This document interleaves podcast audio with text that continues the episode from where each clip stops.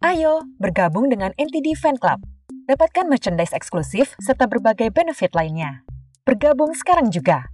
Hubungi WhatsApp 0813 8080 2513. Anda sedang mendengarkan podcast NTD Kehidupan. Selamat mendengarkan. Bebas dari hambatan. Terjebak dalam kebiasaan adalah pengalaman yang tidak menyenangkan, namun umum terjadi. Ketidakmampuan untuk membalikan keadaan dapat membuat kita mati rasa dan membuat kita melupakan kemungkinan tak terbatas yang terbentang di depan. Yuk, kita kenali segala hambatan yang ada. Hambatan internal yang pertama, persepsi diri. Ketika kita kurang percaya diri, tidak hanya mendiskreditkan upaya yang telah kita lakukan untuk mengembangkan kemampuan, tetapi juga gagal mengenali potensi kita. Dengan menyadari keterbatasan kemampuan Anda, maka Anda dapat menghadapi tantangan dengan penuh percaya diri dan memanfaatkan setiap kesempatan untuk memperbaiki kekurangan Anda. Kedua, takut gagal. Ketakutan adalah perasaan dahsyat yang dapat mencegah kita melangkah keluar dari zona nyaman. Mengatasi hambatan melibatkan merangkul perubahan dan menghadapi segala macam ketidakpastian. Mengubah perspektif kita tentang kegagalan dan memahami perannya dalam peningkatan diri kita, memungkinkan kita untuk menghadapinya secara langsung dan memperkuat karakter kita dalam prosesnya.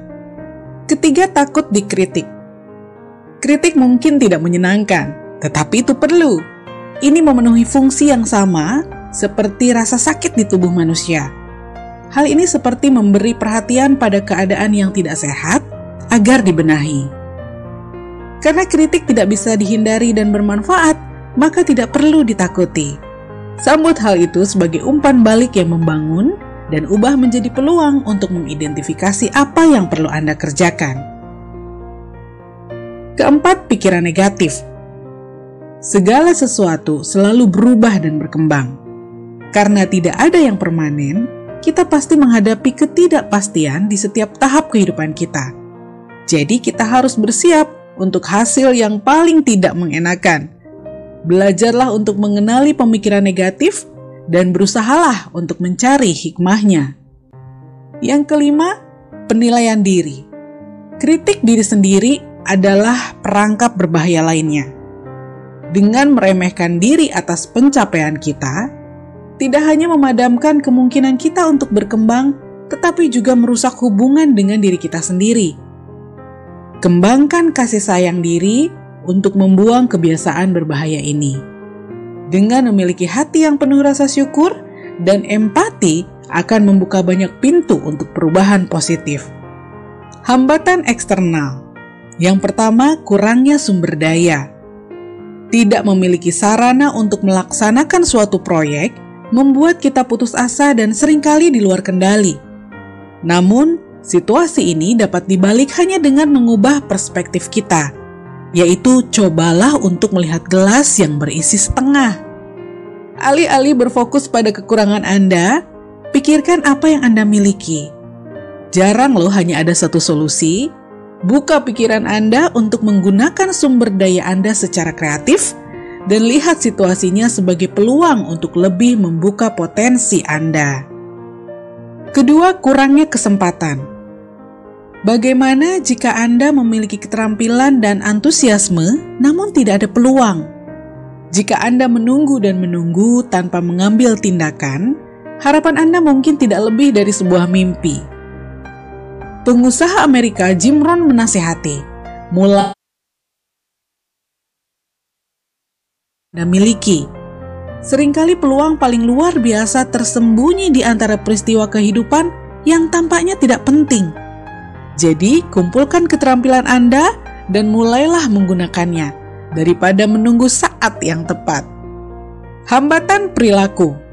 Pertama, Anda mempertahankan status quo. Einstein berkata, "Kegilaan adalah melakukan hal yang sama berulang-ulang dan mengharapkan hasil yang berbeda. Cara terbaik untuk keluar dari kebiasaan adalah dengan mencoba pendekatan baru. Pertimbangkan kemungkinan pendekatan alternatif yang dapat membantu Anda bergerak maju. Meskipun memodifikasi membutuhkan banyak keberanian, dan Anda mungkin gagal, tetapi Anda tidak akan tahu jika Anda tidak pernah mencobanya.